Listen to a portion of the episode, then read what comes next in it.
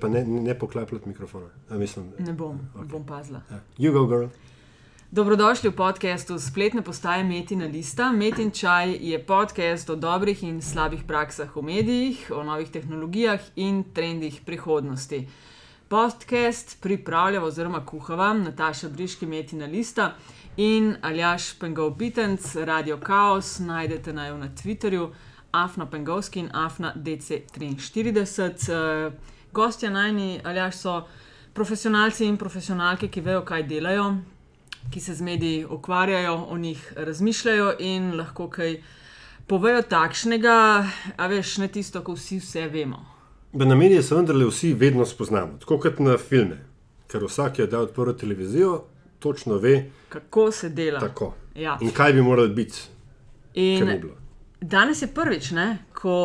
Na eh, terenu sva. Na terenu sva, ja, prvič, ko eh, je.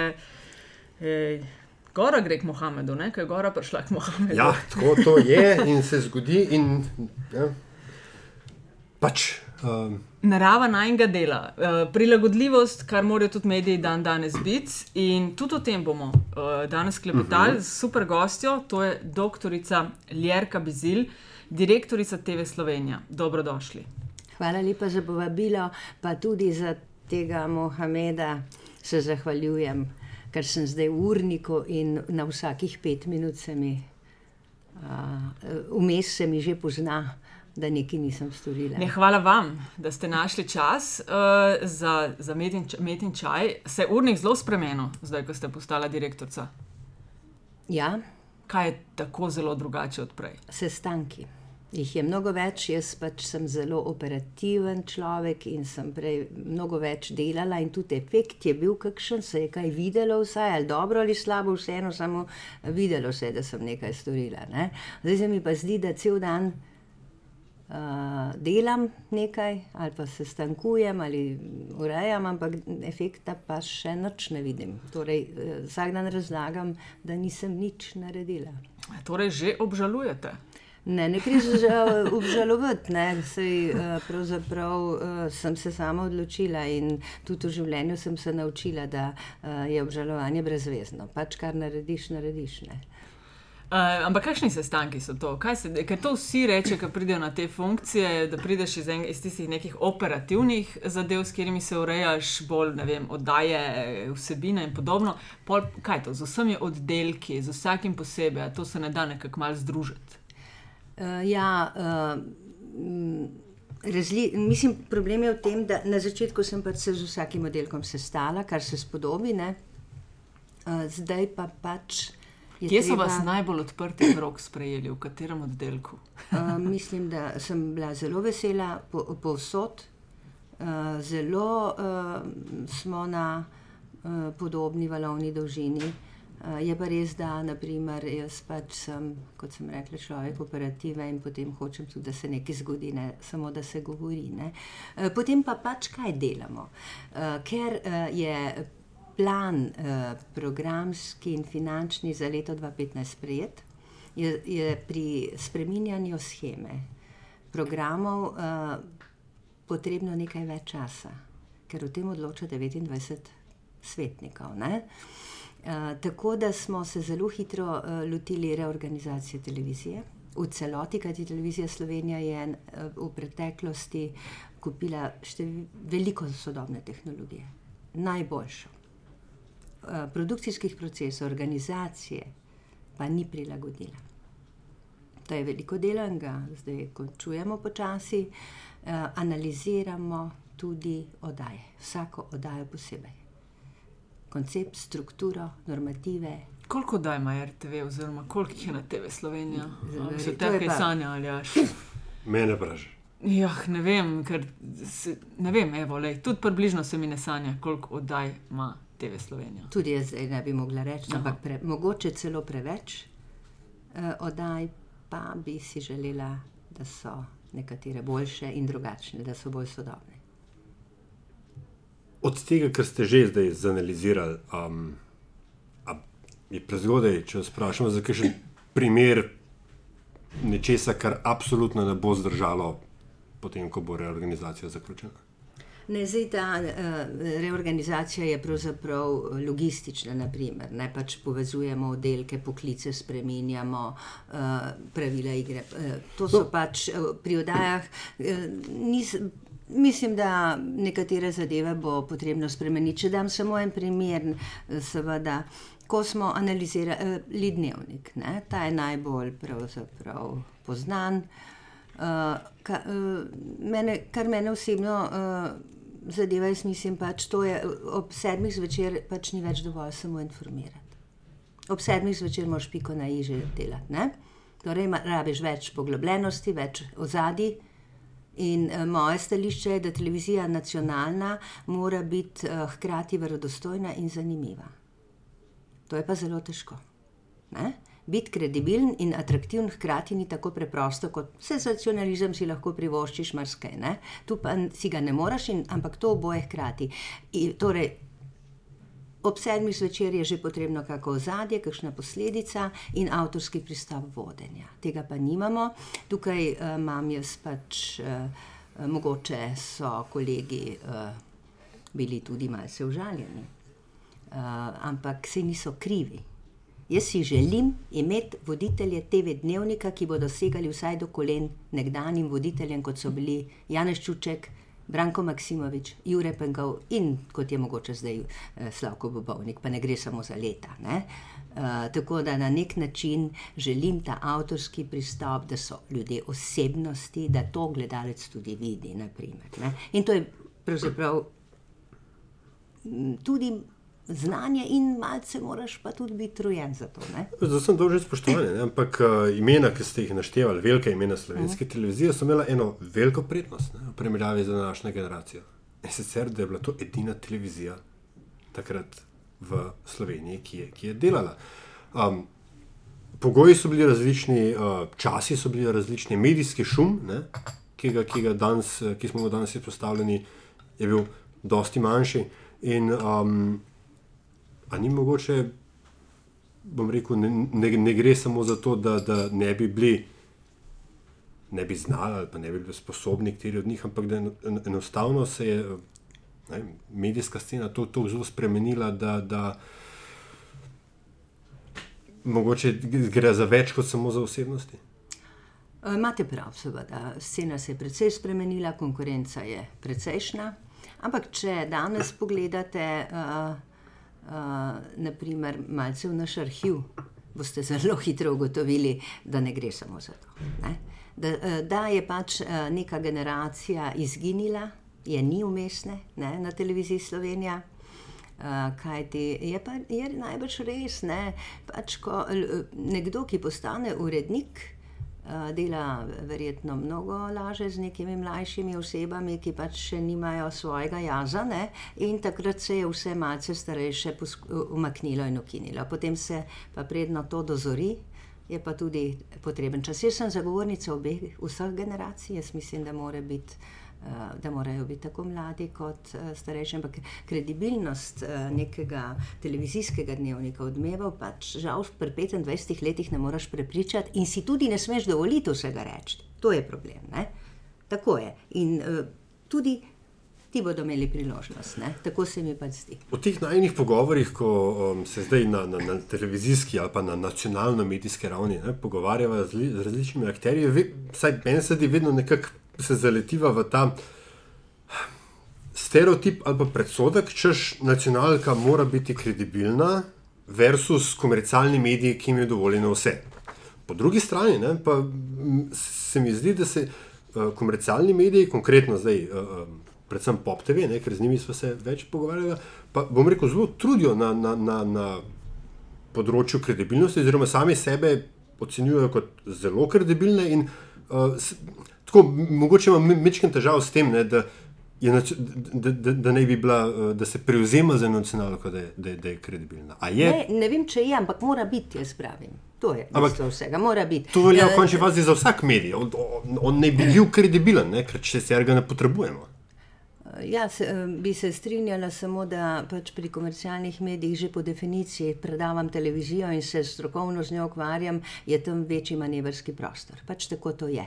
Ne, in si lahko več privoščijo. Naprimer, sveta na kanalu ASI, televizija Slovenija ne more privoščiti na tak način, kot je bil. Ne, zdaj niti ne spremljam, ne vem. Lahko si pa enake zgodbe privošči, ampak mora malce bolj preveriti, verjetno, uh, kakšno uh, zadevo in tudi uh, način včasih uh, nekoliko prilagoditi. Ne. Samo to mislim. Uh, spoštujem kolege na komercialnih televizijah, celo na PopTV, jaz mislim, da so zelo veliko naredili. Naprimer, eno preverjeno tudi 24 ur na obdobje. No, So na, lahko se kosali z nacionalno ali jo celo prehitevali tudi po tej- plati. no, vi Ker, ste na. Oprosti, Nataša, ampak Ja, ker, sem ra- ker sem radic ne, in, in mi je vendarle televizija na neki način tuj svet. Kaj to pomeni? Da se recimo, če vzamemo primer včerajšnjih uh, informativnih oddaj, da se um, na nacionalki tragedija v Šentvidu pri Stični pojavi šele kot ne vem, tretja, četrta novica, da ni to vhodna novica. O tem govorimo, o tem pristopu, o čem drugem. Ja, ne, eh, je, lahko je tudi prva odvisna od drugih dogodkov. To sploh ni kriterij. to jaz ne vidim problema v tem. Ne? To ni kriterij. Sem pa tudi jaz bila radika na pet let. in No, no, to- sem to- to- vsa navdušena nad radijem. To je pa balzam za ne, televizijskega novinarja, ki pride na radio. No, ampak meni je to zanimalo, ker ste omenili 24 ur oddajo. Ne? Jaz sem pa tam bila od vsega začetka, vi pa ste na RTV koliko Ja, ne že? bom že celo življenje. Ja. No, skratka, zelo dobro poznate situacijo. Bili ste novinarka na, v informativnem programu, vodili oddaje, urejali oddaje, postavili na noge parlamentarni program, dobro jutro. Utrip. Utrip, eh, prava ideja ste uh, urejali. Skratka, precej dober različne aspekte. Kaj je po vašem mnenju takrat delala nacionalka na robe, ki se je pojavil Pop TV in 24 ur?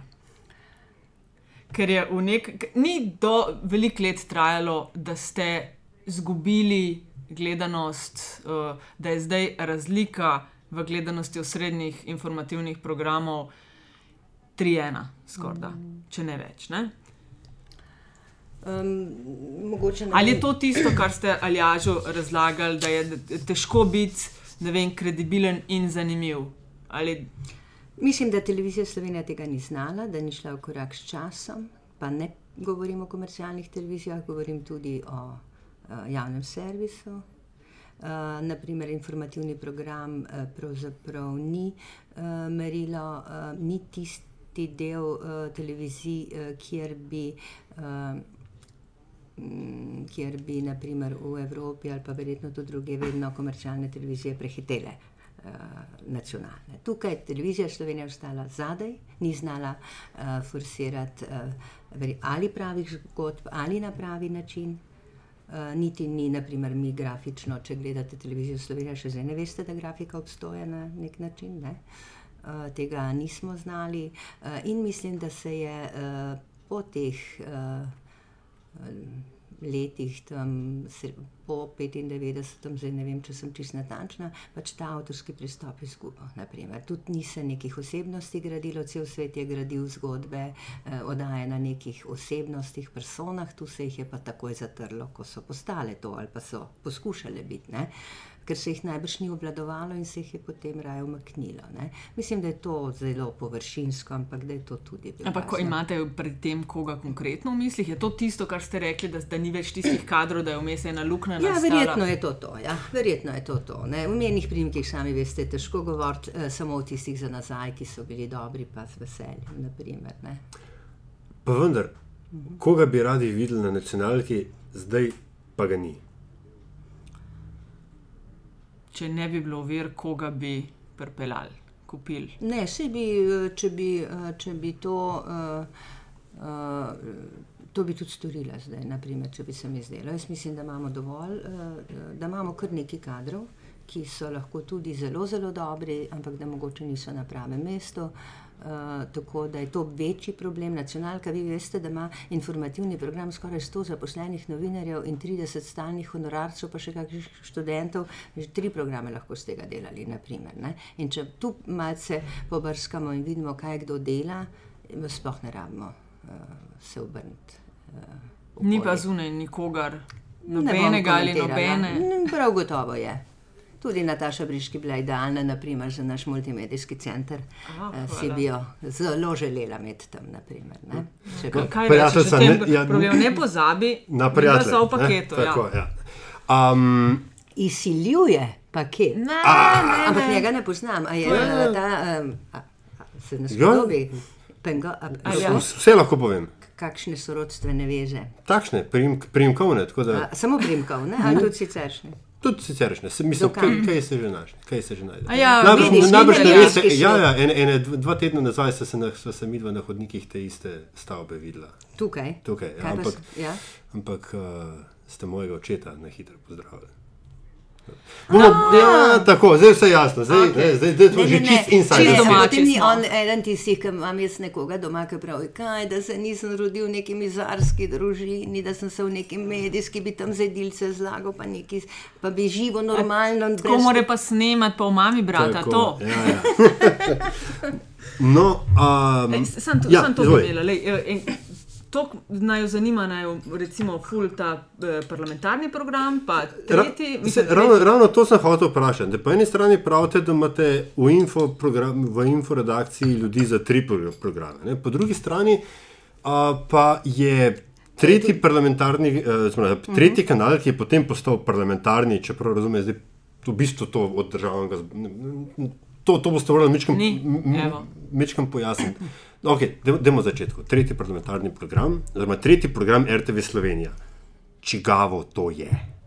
To je prav tako kot prvi in drugi program. Eh, Stvar uh -huh. RTV Slovenija, uh, s tem, da je pač nastal na podlagi zakona, uh, ker, je, uh, ker so v zakon zapisali, da televizija to pač mora imeti, tako kot mora imeti prvi in drugi. Da je to pač parlamentarni, ki spremlja predvsem delo državnega zbora, državnega sveta, Evropskega -huh. parlamenta. Uh, mi smo tu razširili zadevo, kol, uh, pač. Za čas, za termine, kot državni zbor ne mm. zaseda, in smo tudi uh, na programskem svetu že dosegli uh, odločitev, da se poveže z informativnim. Že dve leti nazaj. Ampak je to projekt. Ne?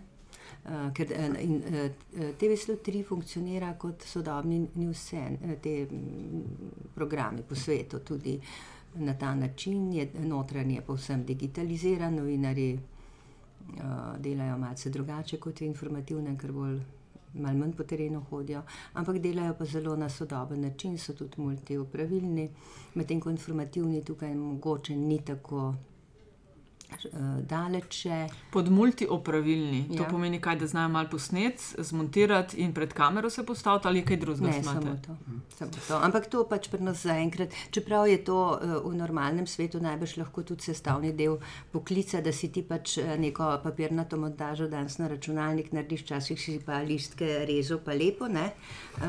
Danes nekdo ne more v prehodnih obdobjih rešiti drugače, kot da jim damo multiupra- da jih imamo za multiupravilne. Ne?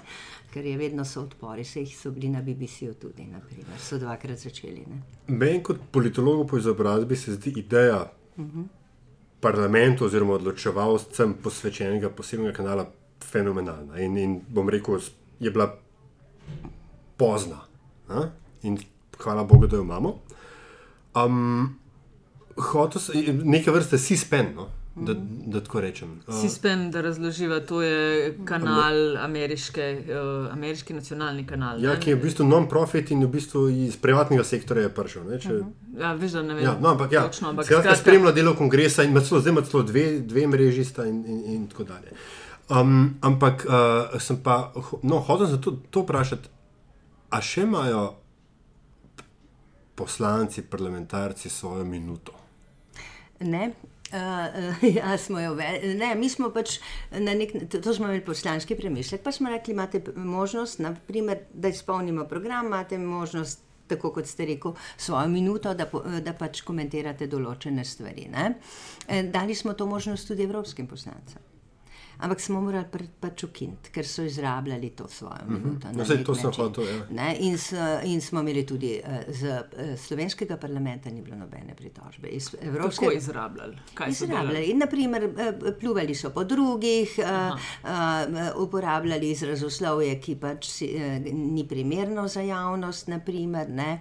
Eh, ne, eh, Bili so eh, agitatorski, naprimer, namesto da bi vsebinsko opredelili tako, kot smo v koncept zapisali, neko stvar. Ne. In bolj so se volitve približevale, bolj je, huje je bilo, in smo itak vedno morali že pred tri mesece pred volitvami to rubriko nekako ukiniti. Ne. Uh, naprimer, evropski poslanci so izrabljali potem tudi v ča- včasih, ko so hoteli sami sebe, predvsem promovirati, da so druge poniževali, ta drugi pa ni imel možnost odgovora. Naprimer, ne. Tako da smo se temu kar lepo odpovedali. In zdaj imamo pa način, poslanski premislek še vedno je, pač novinar gre v parlament na neko temo, uh, predlaga, prosi, da različni. Uh, Uh, da različni uh, posla, eh, poslanci različnih poslanskih skupin to komentirajo in potem nekaj zm- zmontirajo na nek način, in smo na ta, tako ohranili, vendarle tudi to. Ne. Tako da parlamentarni program ostaja.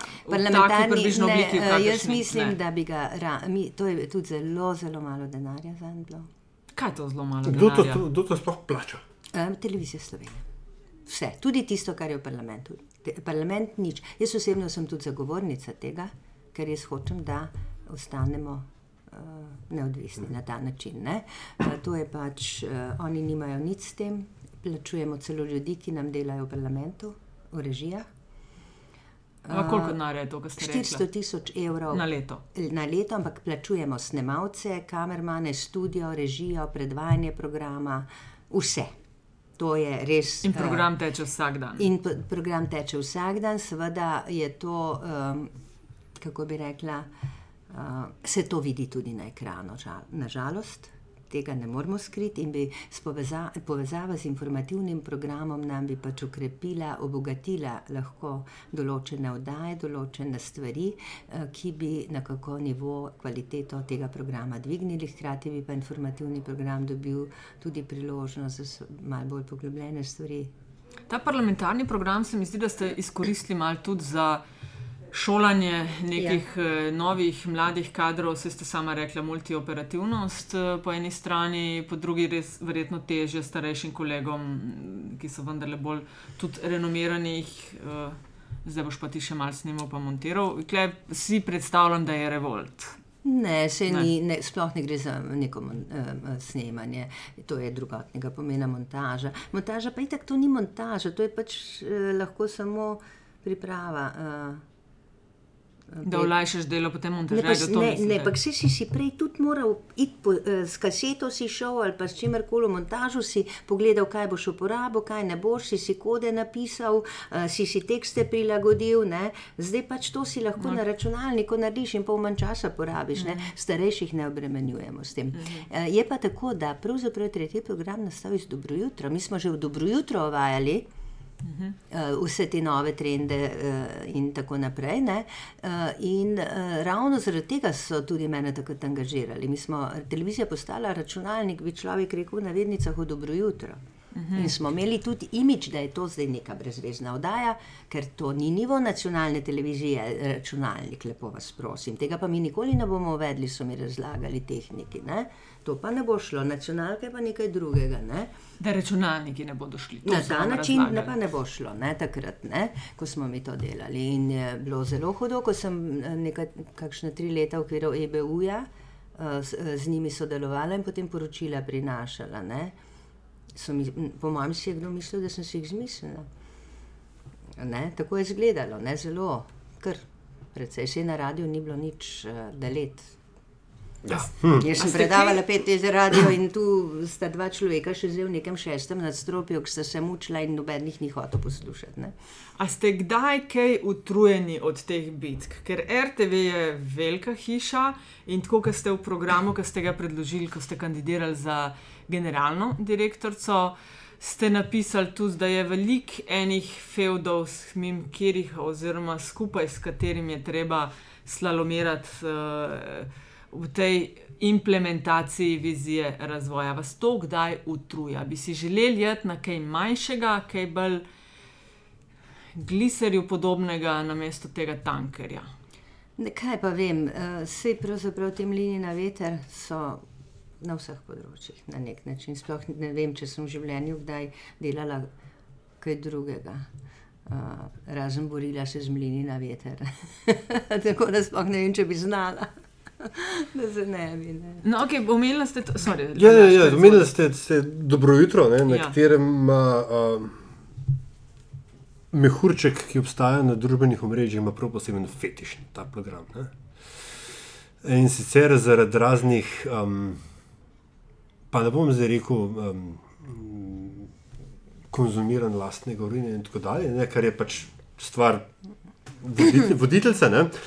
Um, Vsake toliko časa se spotaknemo ob neznanstvenost vsebin. Bodi si so to neke um, vprašanja o smiselnosti cepljenja, o ne vem, raznih črnih snegovih. črnih snegove, a, a, Ja. alternativnih uh, pristopih k kaj že, masaži ja. oprse in tako dalje. Ne ne. vem, kako gre to skupaj s to Ja, verodostojnostjo. ne, tukaj, tukaj smo zdaj. Ne? Uh, Dobro jutro je pač oddaja Infotainment sistem, kjer pač se združujejo vse variante, si lahko tudi privošči kaj drugega kot drugi program. Je pa res, da eh, če bi ga pozorno spremljali, bi ugotovili, da to, kar zdaj govorite, ne drži povsem. Ker imamo mi uh, zelo, zelo ostra stališča. Mi, lahko, mi predstavljamo vse te no- stvari, o katerih vi govorite, vse vključujemo, ampak vedno zahtevam in sem, in še vedno imajo, vedno mora biti tudi nekdo, mi imamo največ eh, ljudi iz uradne medicine ali pa teh zadev, mora biti še nekdo drug. Mora biti kdo, ki lahko tudi podre to. Naprimer, ne? vedno Ja. ja. imamo to mnenje, eh, vedno na nek način vključujemo tudi to. To je uravnoteženost. Ne? Neuravnoteženost, ampak smo, kot pravite, nacionalka. Ti, lahko, ti moraš predstavljati različne neumnosti ali pa dobre in slabe stvari tega življenja. Ker drugače ne- Samo, a je ja. vela nameniti, ne vem, deset minut nekomu, ki reče, da se Zemlja vrti okrog Sonca, in deset minut nekomu, ki reče, da se Sonce vrti okrog Ne, to Zemlje. se strinjam, da ni nujno. Je pa zdaj to zelo relativno. Naprimer, če pogledate, se je res, zdaj imajo to, to akcijo s poroko. Ne? To je zelo uh, različni komentarji. So. Ampak kaj lahko televizija stori? Uh, če uh, noče uh, biti, uh, naprimer, mi poroko izkoriščamo za razpravo o medosebnih odnosih, partnerskih, vse mogoče stvari. Lahko bi to spustili, pa bi povabili vsak teden tri strokovnjake, take in drugačne, in bi o tem debatirali. Ljudje hočejo imeti akcije, danes svet. Televizija se razvija prek akcij že na nek način, kjer so vključeni gledalci, kjer sodelujejo, oni so ustvarjajo oddajo na nek način. In tu imamo, zaradi tega, ker smo tako zelo odprli to oddajo, kar precej težav tudi, naprimer, ne? zato ker uh, varuh ima zelo veliko dela z nami. Ne? Oni se vsak dan oglašajo, oni hočejo to, oni hočejo ono in tako naprej. Ne? Uh, tako da to je nek, eh, pravzaprav ta oddaja je nek poseben fenomen, bi človek rekel celo, naprimer, ne? v tem medijskem prostoru. Ne? Oni so vzeli za svojo in zjutraj je veliko starejših gledalcev. Ne? Eh, Tudi podira tabuje. Ne ravno v tem, ko govorite, naprimer, pred ne vem, koliko je zdaj, že tri leta nazaj, ko smo začeli ohranjanje vitalnosti in mladosti prek, uh, s pomočjo zvezdane mlakar. Drzno, naprimer. Ampak Ja, tisto lulanje je bilo drzno. No, tista je bila Ja, edina ja, taka, ja. ampak ta ni bila takrat. Ampak to je, ja. Čeprav, naprimer, to uh, pač nekateri. Uh, No, pri tistem ja, lulanju, ja. Ja, sem da prekinem, porkadijo. To je res ena taka. To ste vedeli, da bo na to naredila. ja. Tako vprašala vas je, se vam zdi Ne, mene ne, no, ampak Ja, ja, ja, ja, ampak- sem vedela, da bo naredila. Ja. Ja, kaj, še- to so bili bil, odzivi. a je bil vsaj efekt v smislu gledanosti in. in, in, in Ne, in, si tudi ne gledamo na to toliko. Naprimer, zdaj, ko je poroka, je zelo dobra gledanost. Eh, Dobro jutro je najbolj gledana oddaja do sedmih zvečer na televiziji Slovenija. Do sedmih Na- zvečer Do celo, zvečer. traja pa do desetih ali nekaj. takega. 10-15, Deset, razen ne? mogoče poročila ob enih, pa ob petih. Nažalost je to to. Nažalost je to to. Ja. Je, ne, je, tudi so kakšne odstopanja. Jaz se strinjam, da bi lahko kakšno stvar da je tudi spustili. Kakšen je naprimer, ne. proračun, dobro jutro? Zelo nizek. No, številka. Um, dobro jutro nima Uh, tu Brutro nima rednih sodelavcev, razen mislim, da eno režiserko, pa eno no, uh, voditeljico, novinarko. Vsi so honorarci. To pomeni, da je treba vse vzdrževati s tem, vse snemalne ekipe, vse montaže, to je vse honorarno, razen študija.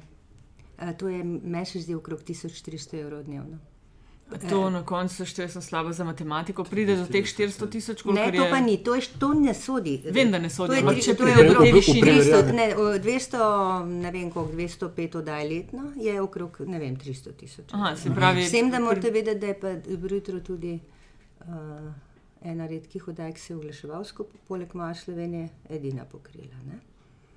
Na televiziji Slovenije. Ne? Kaj pa prava ideja? Je- Ta se Ja. tudi zdi, da bi lahko šla sponzorsko normalno skozi, a ne gre. Uh, pravo idejo, prava ideja ni v planu televizije Slovenija, niti finančno. Ja. Niti, uh, ni, uh, je pa evropska sredstva. Že dve leti smo na evropskih sredstvih s pravo idejo, sva se z uh, urednico Cetinski zelo potrudili, da smo dobili evropska sredstva. Za njo prej je bila eno leto uh, sponzorska in tudi nastala je tako, ker mm. televizija Slovenija je imela stališče, da takih oddaj ne potrebuje, ker so pozitivne, ne? promovirajo nekaj. Ne? Ja. To ni afera. Ne? Ja, naprimer, ne? Zdaj- Ja, ja. in je, eh, ampak zdaj že vsaj dve leti smo na, na evropskih sredstvih. To sem sl- slučajno vedel, ker je, mislim, da je eden od scen- scenaristov v enem bendu igra. pa sem ga imel. A ja, si ga imel za gosta. Ja, ja. Aha. Ja. Uh, no, ampak ne, zdaj mi se tukaj delamo kot TV Slovenija, samo infoprogram. Ne? Pa še zdaleč ni tako. Pa? Čeprav vsakeč, ko je TV Slovenija na prepihu, je večinoma na prepihu infoprogram. Um, tako da zdaj bom najprej jaz oseben. Ena stvar, ki jo moram vedno pohvaliti, je otroški program. No, tr- Ta, ta del tam je veliko krat kožo rešil v zadnjih letih. Uh, ampak uh, kaj pa tudi, no, reč, tudi ko se rezerve išče, se jih vedno išče v infoprogramu. Ljudje je treba odpustiti.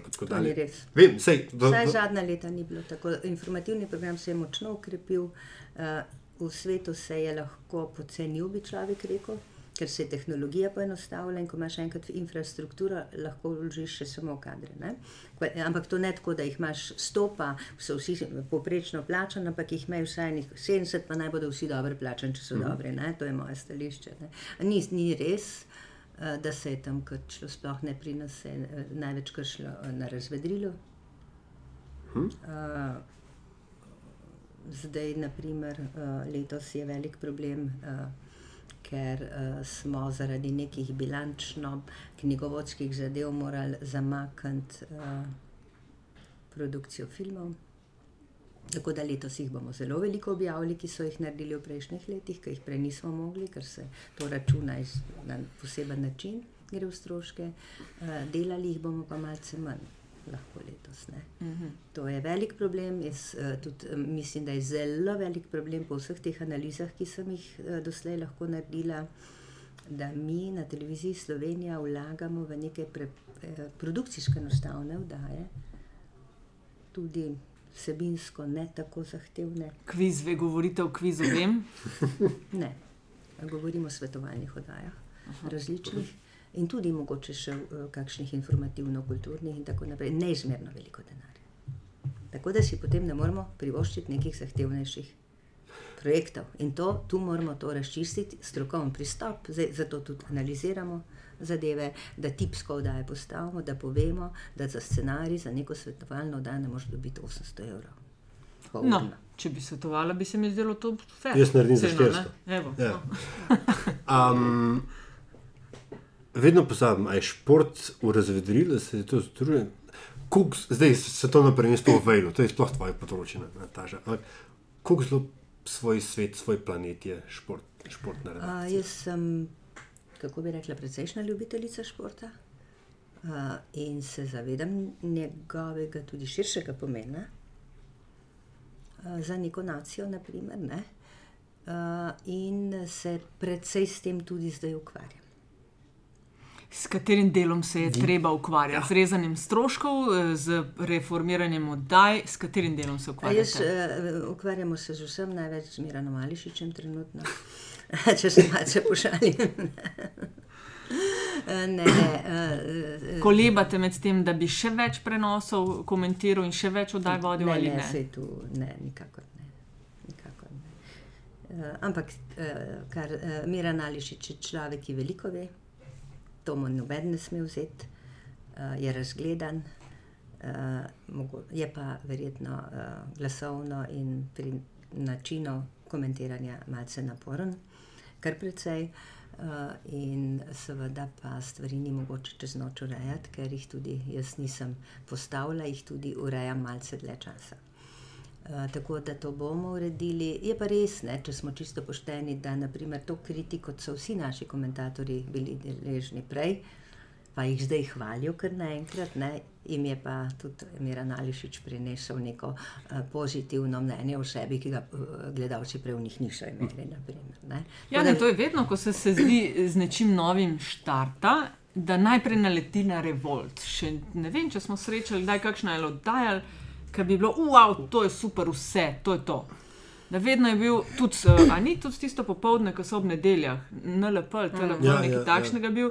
Mislim, da so tudi voditla Lada uh, Bizovič. Lada Bizovičare, to sem non-stop poslušala, kaj imajo različne čevlje ali različne nogavice, ali nekaj takšnega, eno finto. je Vedno je, vedno je nekaj. Sploh, sploh, veš, Samo znati presoditi, ne, tudi kaj je, kaj ni, ne, to je pa pomembno. Ne, ker včasih kaj tudi ni, naprimer, kar naredimo, ne, ne glede na kritiko ali hvalo. ne. Mene tudi ne- meni ne pomaga. Jaz pravim, televizija Slovenija ne more rejtingov zanemarjati, ker če nas nihče ne gleda, pač nas ni več. Ne. Eh, Ampak se ma ve, kako je. In nekdo pravi, ah, pa se je tako fina gledanost. Pravim, ja, čak malo. Ni dovolj. Ali pa nekdo reče, pa tako kvalitetna vdaja, pa ni gledati. To je treba tudi en kompromis najti.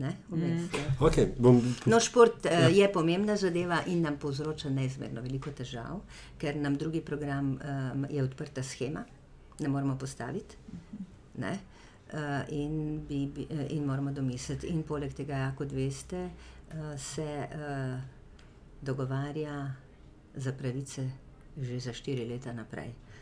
Aha, zdaj o, obnavljate Ne, dogovore. ne, nekateri se, nekateri ne. Vsako leto nekaj pride, naprimer. Ne, se treba odločiti, kaj boš imel, kaj ne boš imel. Ne. Uh, in uh, tudi uh, finance vedno dražje so. Ne, eh, šport je vedno dražja zadeva. Včasih pravim, pa kako to reklamo objavljamo, vse bi oni morali nam plačevati, ne mi njim, ne. če bi bili pošteni. Ne. Uh, je, se pa zavedamo uh, in tudi imamo neko politiko, smo zdaj postavili na tem področju, tako da računamo, da uh, bomo nekako uh, bolj premišljeno to področje peljali naprej. no. A je, ko postavljate te politike, ki jih zdaj omenjate, to zelo težko, ker recimo v vašem programu ste veliko govorili, da je treba dajati prednost strokovnosti in strokovnosti. Ja. Hkrati pa je nacionalna televizija, ima svoj programski in nadzorni svet, preko katerega se tako rekoč nič večjega ne da. In Zdaj, praviloma, mogoče pretiravam, ampak eh, notri ne sedijo izključno ljudje, ki bi vedeli, kaj in kako v medijih, ampak ljudje, ki so z razlogom postavljeni v te odbore. Eh, Eni po strankarskih linijah, enim se reče, da jih civilna družba imenuje, pa so tudi dve, iz katere interesnih skupin so. Skratka, bolj malo se zdi, da je tistih, ki jih res zanima, oziroma ki vejo, kaj je v medijih. Vi pa morate z njih prepričevati in prek njih pelati te spremembe. Ne? A se Ja. bo dalo to? Uh, jaz mislim, da uh, nadzorni in programski svet so, vsaj jaz sem ne vem, že na osem let sodelovala, oziroma vsaj poslušala jih, da, da razmeroma so uh, tokrat ljudje, ki, s katerimi se da. So tudi kakšni, ki so bolj Ker, zaradi tega sem to omenila, da ne bom takoj fasala jih, ker se vedno, tudi ko so bile zdaj kandidature za generalnega direktorja, pa za direktorja radia in televizije, se vedno preštelo, še preden je samo glasovanje, se vedno vedlo že vnaprej, kdo ima koliko glasov in ponavadi so. Približno se je dalo po teh partijskih blokih. Samo je tako, da se to vsake dve leti spet spremeni. Jaz osebno mislim, da je treba uh, strokovno poskušati tudi do njih nastopati, ne? Nujno se Uh, zdi in jih absolutno. prepričati, da pač uh, je bil pa problem v preteklosti, mogoče malce tudi drugačen, ne, da so uh, kolegi na televiziji, posamezniki, uredniki, avtori imeli vsak svojega svetnika, se je šalimo na vednicah, ampak je kar precej resnice. In, mogel, eh, in je bilo zelo težko, naprimer, z nekim eh, razvojem, z napredkom iti naprej, ker so si oni tam pridobivali zaveznike in to zato, da je televizija obstala, ne zato, da bi šla naprej. Ne. In zdaj, če to poslušaš, jaz osebno si tega ne dovolim. Kar izvoli, ampak argumentiraj, zakaj. Ne? Smo spet- Zato, da damo eno svetovalno dajo toliko, morda kot eno tarčo, za pol ure ne? ali 25 minut. Če si tu pridobiš svetnika, potem jaz nima, nisem več direktorica, ker me ne zanima, ker se jaz ne grem igrc. Jaz hočem, da z te hiše nekaj naredimo, ker če ne bomo naredili programsko in organizacijsko, nas bo nekdo porušil in gledalci med prvimi, ne samo politika. Ne? Če pa imaš ti kredibilnost tudi pri programu, pri organizaciji, da ti lahko dokažeš, da si nekdo, ne? tudi na ta način se te ne morejo kar rušiti. Naprimer, ne? pa nam eh, prispel, eh, RTV prispevek mal dol, gor, sem tja. Vsak ima pet minut časa se nasloti. Do tole sem zapičil. Sem jaz zdaj vas prav razumel, da v hipu, ko ne bodo samo vaše ideje šle do, ali pa pač bile do, do programskega nadzornega sveta, da, boste, da boste odstopili. Ne, da bom odstopila, ampak govorim, da to je brez veze, to ste tudi vi tako skrajno črno-bela slika. Ampak pravim, da na nek način, če bi, ne, če bi me začeli izsiljevati, uh -huh. naprimer, ne, uh -huh. pa da vidim, da ma- eh, pač imam svoj prav. In jaz verjamem, da sem tako močna, da lahko z argumenti in svojim znanjem tudi prepričam svetnike, ne, da mi zaradi takih zadev ne bo treba odstopiti.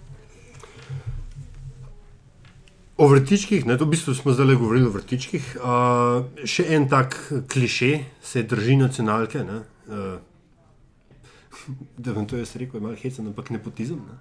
Ja, ja. A, koliko je tega zares in koliko je to, po rekel, fama? Uh, jaz mislim, da na televiziji, na RTV-ju sploh dela veliko otrok od ljudi, ki so tukaj uh, zaposleni. Zelo veliko, naprimer, ne, kar je tudi v medicini. Otroci velikrat grejo študirati medicino in to je v svetu nekaj normalnega. Je pa res, če je dober, vse en. Če pa ni dober, je pa problem. Naprimer, ne? Jaz mislim, da ni. Naprimer, tudi pri Miši Molkula. Jaz ne vidim, nobe, ne vem, je kdaj imela medijske izkušnje, ne, se, ker jaz se nisem ne angažirala, ne odpustila. Uh, pač delala je kaj potem. Sam, če pa se to preveč meša skupaj, pa tudi ni dobro. Naprimer. Čeprav jaz sem ponudila Miši Molk eh, kar nekaj pogovornih oddaj in sem ji celo predlagala, da bi delali zulo pozno večerno skupno oddajo, pogovorno, ne neke šove. Ker to bi bilo drzna ideja, predrzna pravzaprav, bilo bi fenomenalno, ne? ker jaz si predstavljam, da je hčerka malce bolj konzervativna, resna, ne? Miša si pa lahko privošči marsikaj pri svojih letih ne? in to bi bilo imenitno, naprimer. Ne? Ampak eh, ona je meni poslala potem cel kup nekih šov. Konceptov odprej od zdaj, ne, eh, ki se pač jaz osebno mislim, da v razvedrilnem programu je odgovorni urednik nima kaj iskati. Eh, Zdaj se je ponudila eh, oddaja že nekaj 14 dni nazaj, ali pa še več, eh, je Jadranka Ribernik, intervju nedeljski, enkrat mesečno, ogleden termin, ogledna oddaja z oglednimi voditelji. Ne. Vse to že imate. Ja, ampak vsak teden je drug. Ne? A ja, Ja, zdaj sta Lidija Hren, pa Ksenija, Okej, ja. bila bi še Miša, pa še morda kdo, ne kako se odloči odgovorna urednica. In to bilo imenitno, če se je že ni odločila za eno pozno večerno, malce bolj predrzno oddajo. Ne? Mi jo bomo pač imeli z nekom drugim potem. Ne? Uh, ampak tako to je, ne? človek se mora odločiti, kaj hoče. Ne? Pač v razvedrilu. Uh, imajo svoj koncept. Uh, vi ste pa, uh, ste pa mislili s tem na mojega sina, verjetno. Ne, v bistvu sem mislil uh, na splošen pojav, katerega, -huh. ker nisem nacionalki, lahko rečem, da, da nisem del njega, ampak vem, kako je to, če nosiš znam priimek. ne, Zato, uh -huh. zato, zato sem to vprašal. Uh, lahko tudi za svojega sina pojasnim, če se vam zdi zanimivo. jaz nisem niti vedela, ampak če kaj je, Uh, kaj pa je moj sin pojasnjevati. lani je dal razvedrilni program povabilo zunanim producentom za neke razvedrilne vsebine. Uh, komisija je izbrala dva, tri, ne vem, in pri enem od zunanih producentov v kreativni skupini sodeluje tudi moj sin. No, in ko sem to zvedela, sem odgovornega urednika vprašala, če je to nuja, da ta, tega zbere. Je rekel, da pač vztraja. Sem obvestila generalnega direktorja, predsednika programskega sveta, obvestila sem nadzorni svet, nima pogodbe z RTV. Dela deset let v medijskem prostoru, na televiziji je delal NLP, ste preomenili, EMO, misijo Eurovizija, delal je na komercialnih, z zunanjimi producenti, not pado, je bila cesta. Okay, ta oddaja, ki ste jo, uh -huh. če gremo, um, ta oddaja, ki ste omenjali, da bo zdaj pozno večerna, to lahko že kaj več razkrijete? Ne, tu ne. se zdaj samo pogovarjamo, ker jaz sem računala, to bi bila res imenitna uh, oddaja Miše Molk, naprimer, kjer bi ona lahko si, jaz jo spoštujem, ona je še vedno dama prva na televiziji Slovenija uh, in bi lahko uh, imela imenitno in super oddajo. Uh, zdaj pač bomo to verjetno za poletne mesece eksperimentalno dali nekomu drugemu, uh, ker se pač sploh ne vem, kaj je odločila. Ne? Uh, ampak si uh, želim, da bi delala in upam, da bo dobiva plačo, ki jo plačujejo gledalci. Tudi mojo. Torej, vsakega, ki gledalec plača, naj dela na televiziji Slovenija ne moš imeti ne vem kakih privilegijev. Ja. Ko smo že pri um, rekel, ponudbah. Ponudba. Ja, Ali kaj delali na televiziji? Ah, ne, ne, jaz sem, jaz sem ne, ne, ne, ne, ne, ne, medijsko je kar urejeno, ne, Nataša, da bi Odličen. bil primeren, bi bil, ne, pa ah, glas, govor, zdaj, način, nastop, zelo urejen. Odličen, da ne boš pozabil, da te meti na lista. Ja, ja. ja.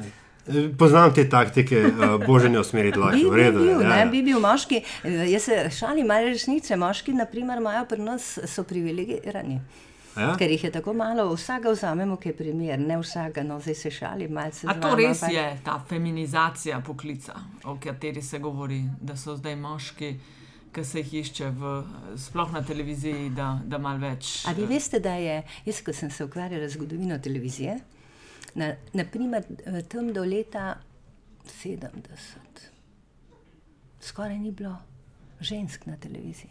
To vemo približno. Ja, tudi tiste voditelje, ki ste jih naštela, včasih so bili samo moški, pa, Julka, pa Julka Vahan med njimi, naprimer. Ja.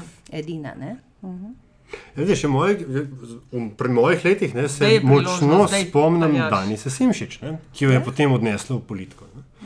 Se tudi vi imate en, en, en bom rekel, tak okršaj, tako lepo slovenska beseda ja. s politiko. Ja. Um, vem, da, je, da so vam to učitelj, ampak a vam je to pomagalo potem, čist pri vašem strokovnem delu, v končni fazi, če od znotraj vidiš delovanje parlamenta, pa potem postavljaš parlamentarni kanal, to je neka prednost. Kaj bi rekla, uh, se veste, ne vem sta premlada, ampak tam konc 80-ih smo svet spremenili, ne, državo postavljali, ideali so se nam potem po 91. malce razblinili. Ne. Jaz vedno pravim, čeprav moj kolega Ambrožič ne prizna, ampak sem že sredi 90-ih eni knjigi vse napisala, tako da ne vem, da sem, sem, smo dobili cenzuro, no, ker smo se malo odvadili konc 80-ih. Uh, in jaz sem, mislim, da sem bila zgubljena tudi če so bili to naši znanci, ki so bili prej v opoziciji, pa se borili, ampak kar naenkrat so bili na oblasti in so se začeli obnašati hujše kot oni prej. Ne? Ne, in se nam je pravzaprav, in nisem znala, in sem iskala novo priložnost za spreminjanje sveta. Takrat je bilo moderno kandidirati, ne, takrat je bilo moderno državo postavljati. Ne, in sem mislila, da bom pa svetom spremenjala. Sem prišla tja, sem, gotov, sem me najprej panika zagrabila v parlamentu, da bo država zelo hitro propadla. Potem sem na srečo kar precej hitro ugotovila, da uh, itak parlament ne, ni država, pa tudi ne odloča vsem, ne, ali pa tisto, kar, je, kar mora. Uh, no, ampak sem tudi ugotovila, da sem nesposobna za tako politiko, kot je bila. Ne. Jaz sem pa človek, preveč rečem raje preveč, sem se potem odločila kot premalo, pa tudi prenesem vse za tiste igrice za kulisija. Ne znam, oziroma se mi ne ljubi. No, sem, no, ampak mi je pa najbrž zelo koristno, ker sem se takrat odločila, kljub vsemu. Z Borotem Pahorjem sem sigurno kako leto na kosilih sedela in debatirala o tem ženskem lomalu. Pa še s kom drugim. Je že vedel, zakaj. O čem, o ženskem Ne, romanu? ne, ne, ne sem o politiki, Aha, ne pa o tem, da ostaneš. Ja, ja, ne, ne, ne, ne, zelo resno. No, in uh, sem ugotovila, da bom se kar stroki posvetila. In tako ste Ja, še dobro, šla- že predstavljaš, da bi bil Borod Pahor direktor RTV. Ja, v bistvu si, ker že vsaj še to ni bil. Ja. A bi ga, oh, ne, ne, bom tega vprašal, če bi ga vzel za en dan za novice. E, pa, Nekaj, nekaj Jaz drugega. sem ja. ga, no, vidiš, mo, eh, ko sem jaz na RGL-u uh, mal trenirala radio, ne, Ja. sem ga povabila, ne vem, kaj je takrat bil, je bil moj sovoditelj. Res? Ja, Uh, en, to je dan, en dan sem imela A sovoditelje. ja. Ja, in, sem, in je bil moj sovoditelj, potem pa seveda Borod Pahor, eh, takšen kot je, je potem poslušalcem, ki so naj vklicali, marsikaj obljubo. Ker smo pa mi takrat organizirali razne tudi izlete za poslušalce, ne, jim je obljubo, da bo njihov vodič, ker nekoč je bil vodič. In jih, seveda, so šli v Piran, cel avtobus poslušalcev in jih je tam počakal in jih peljal na sladoled. Ne. Že takrat je kampanja. Ja, ja, Kaj je ta ja. kampanja? Je- Dve leti. Je vedel, ja, kaj vedel dela. kaj ja. Vse je vedel, kaj dela. Deva še vprašati Zdaj, za ko s- Bojana. Ne? Ja, zdaj, ko sem se jaz malo dahnil od, od teh povabil, ne, takih za nacionalko. Kaj ste pa Bojanu travno ponudili, da je prišel? Jaz noč, jaz bojo na travno nikoli nič ne ponujam. Kaj smo, s čim mu pol zagrozili, da je prišel? In tudi to ne. Kaj se pa pol zgodilo? Ampak se lahko kar pride pol. Ne, ne, ne, bojen traven je, bojen traven je pri meni nekoč začel To na. Lovigani.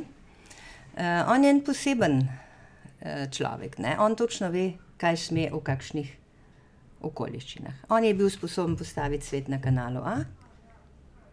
Uh, ampak bi bil sposoben najbrž tudi v najbolj dela tudi uh, tretji program radia. Ne?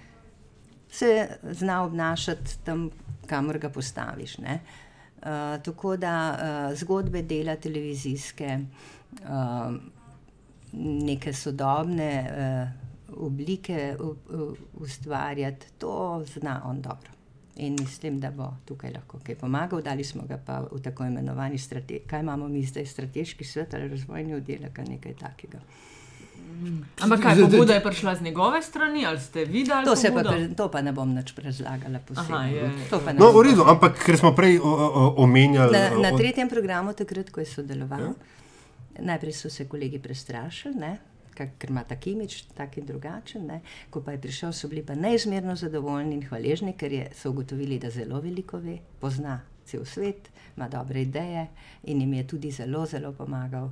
Uh, Tam, kjer se to niti ni videlo, mogoče direktno. Uh, tako da uh, so se tudi zdaj razveselili, ampak sem rekla, da je, ga ni tam. Ne. Ne, sej, eh, bom rekel, to, za, zakaj on prihaja, sem je rekel, bolj stvar za um, opravljanje znotraj mehurčka. Tisto, kar pa je mogoče več bolj legitimno vprašanje, kaj bom jaz za, svoj, za svojih 11 evrov mesečno odbojena travna dupa. Upam, da kakšno boljšo zgodbo, ki je in bolje narejeno. Naprimer, ne. Pa še zraven um, smo mu naložili zelo banalne podrobnosti. Eh, Kako bi temu rekla? Mi de, sem omenila, da uh, delamo delovne produkcijske normative na novo, postavljamo, uh, tipiziramo oddaje. In, Kaj to pomeni tipizirati? Ja, ne, ne vem. vejo, vsi, Globus vsi pa točka ne preloma, pa turbulenca so tipsko približno enake vdaje. A so? Naprimer, če ne, ne, ne poznaš. samo sprašujem, ker ne vejo vsi, naprimer, ne, imajo pa zelo, zelo različne produkcijske in delovne normative. Ne? In tudi zelo različno v njih vlagamo. Naprimer, ne?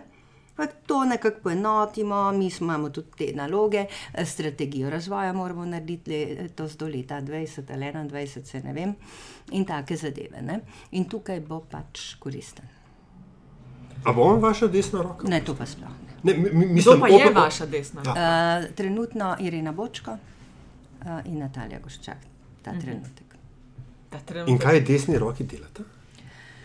Uh, Irina Bočko je hm, pravzaprav eden najbolj dragocenih kadrov na televiziji Slovenija, ki ga nobeden ne pozna, najbrž ne, uh, ker, je, ker se ukvarja s financami, ker se ukvarja, bila je tudi glavna producentka, naprimer, ne, hiše, uh, ker se ukvarja pravzaprav z vsemi stvarmi, ki zadevajo ne vem, tudi, mi, ne, ne morem vam razložiti, kaj vse imamo. Mi moramo paziti, koliko AVD eh, mesečno objavimo, takih zuna, od zunanjih, onih, tretjih. To je cel kup ene statistike, to je cel kup nekih uh, tabel in vsega živega. Mi moramo zdaj le e-račune uvajamo, naprimer, ne. Potem, uh, naprimer, ceno minute moramo uh, postavljamo informacijski sistem, pa tako naprej. To so take stvari, ki jih gledalci seveda ne vidi ne? in zahtevajo zelo veliko znanja in energije.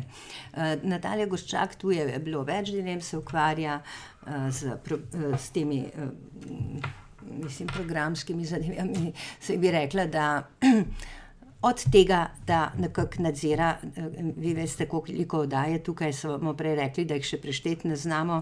Vsak uh, avtor, uh, urednik si izmisli, da so do predolge, prekratke. To je cel kupenih takih s programom, imamo veliko problemov. Uh, tudi kombinacija prvega in drugega programa je katastrofalna, in mi zdaj le počasi delamo terminske načrte. Ko sem jaz postala direktorica, sem prosila decembra, ker plan je bil prej sprejet, če bi lahko na podlagi sprejetega programskega plana mi povedali, kol, koliko tega plana mi po produkcija te, televizijska pokrije. Verni vedel. Ne? Tako mi zdaj terminski načrt, to je schemo, pravzaprav playlisto delamo do junija. Zdaj le bomo že za, uh, naredili do poletja. Prej se je delalo to mogoče samo za krajši čas. Uh, in je potem bil cel projekt, kako. Skratka, zares se bo videlo, kaj je doktorica Ljerka Bizil uh, dela na televiziji, najprej tam nekje jeseni, te spremembe, ki jih počasi ali mogoče še kasneje. Rada bi, seveda, čim prej.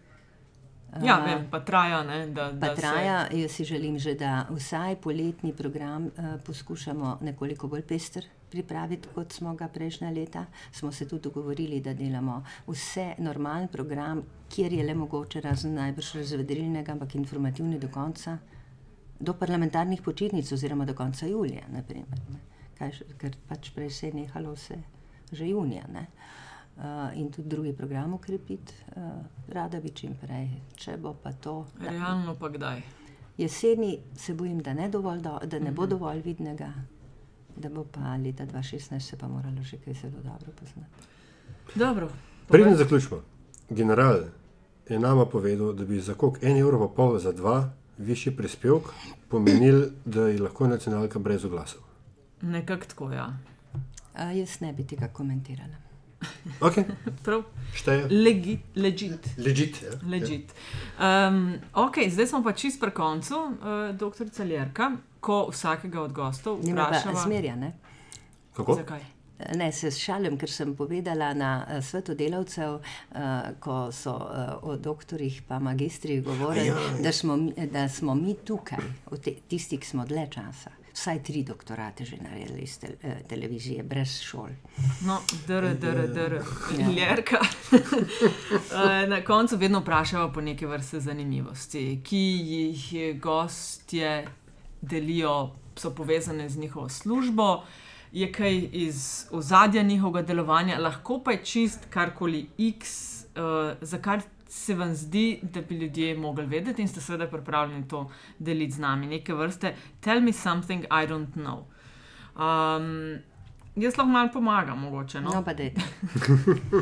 Ker sem že tako stara, imam veliko. Ne, eh, ne, ne takih. zaradi tega, ampak nisem vprašala, pa vem, da, da sva rekla tudi bi. Ne, ti si znamenit, ko klikneš v Google ime Ljerka Bezil, se pojavi zelo visoko YouTube posnetek eh, vašega intervjuja z eh, Janezom Janšo, v katerem ka ste ga zaključila z zelo. ne vem, takim pe- 50 sekundami, kako se zdaj naslednjih 25 let, pa z njim več ne bi na ta način ukvarjali. Uh, lahko kleke, tja, ali jaš ti pa Ne, če bi kle dodatno kaj vprašal? Moje vprašanje je, bilo, kaj je pesnica s tem mislila? Jaz bi samo rekla, a se vam ne zdi, da sem imela prav? Da se morda ne bom jaz dočakala, ker sem že tako stara, vidva bosta, da se bosta še 25 let z Janezom Janšo ukvarjala na tak način, kot se ne bi bilo treba. Kaj se je dogajalo v studiu, recimo takrat, potem A ste dobili en kup klicev na telefon, ali Tako, je tam kaj zapovedati? Ne, Ali bo ni zapovedati. Ne, no, nič ni zapovedati. Dala samo si roko, hvala osmih- lepa in adijo. V pol osmih zjutraj me, je- me nek radio klical, sploh nisem vedela, zakaj, ker se še ustala, dobro nisem, eh, da je na, da je na YouTubu že 41 tisoč uh, ogledov za neki, preden sem se sploh spomnila, ne, je kar ne, nekaj časa trajalo. na primer, ne. Meni vendarle ni jasno, ali ste ga vi zdaj nekam poslali, ali ste, ali ste, ali ste, Sploh ne. ali ste mu ne. Rekli, da, eh, ne. da se drugi z njim narobe ukvarjajo. Da ga, da ga, zato sprašujem, kaj je pesnica s Ne, tem sploh, ne, jaz eh, samo želim, da so stvari črno na belem in da, se, in da se ni treba z njimi ukvarjati. Ker sami si, vsak si je po svoje razložil, pa sploh ne bom več razlagala, kako in kaj. ne. Eh, jaz, Ampak eh, reakcija vaših kolegov je bila. Veste, eh, nekaj drugega vam bi povedala, da, da tukaj, ko poskušamo nekako eh, spoštovati tiste, ki zelo veliko delajo in ki dobro delajo, ne, se nam potem dogaja, ko jim rečeš, naj eh, poročilo o delu napišejo, kdaj je kdo kaj naredil, kdaj je bilo objavljeno, koliko je dolgo, pa kje je bilo objavljeno, ne, ti skoraj, aktiv, ti skoraj da menda aktiv novinarjev skličajo, ker kratiš njihove pravice. Pa ali veste, da imam toliko dela, da je to eno ozadje, naprimer, ki vam mogoče več pove kot cel naš pogovor. Ne? Postavimo piko. To je to. Postavimo piko. Um, najlepša hvala za gostovanje v podkastu Met in Čaj. Hvala za vse, kar ste delili, kar boste naredili, uh, ideje, vizijo in pojasnjevanje kakšnih dogodkov. Hvala vam, da sem lahko bila vajna gostja. Super zanimivo.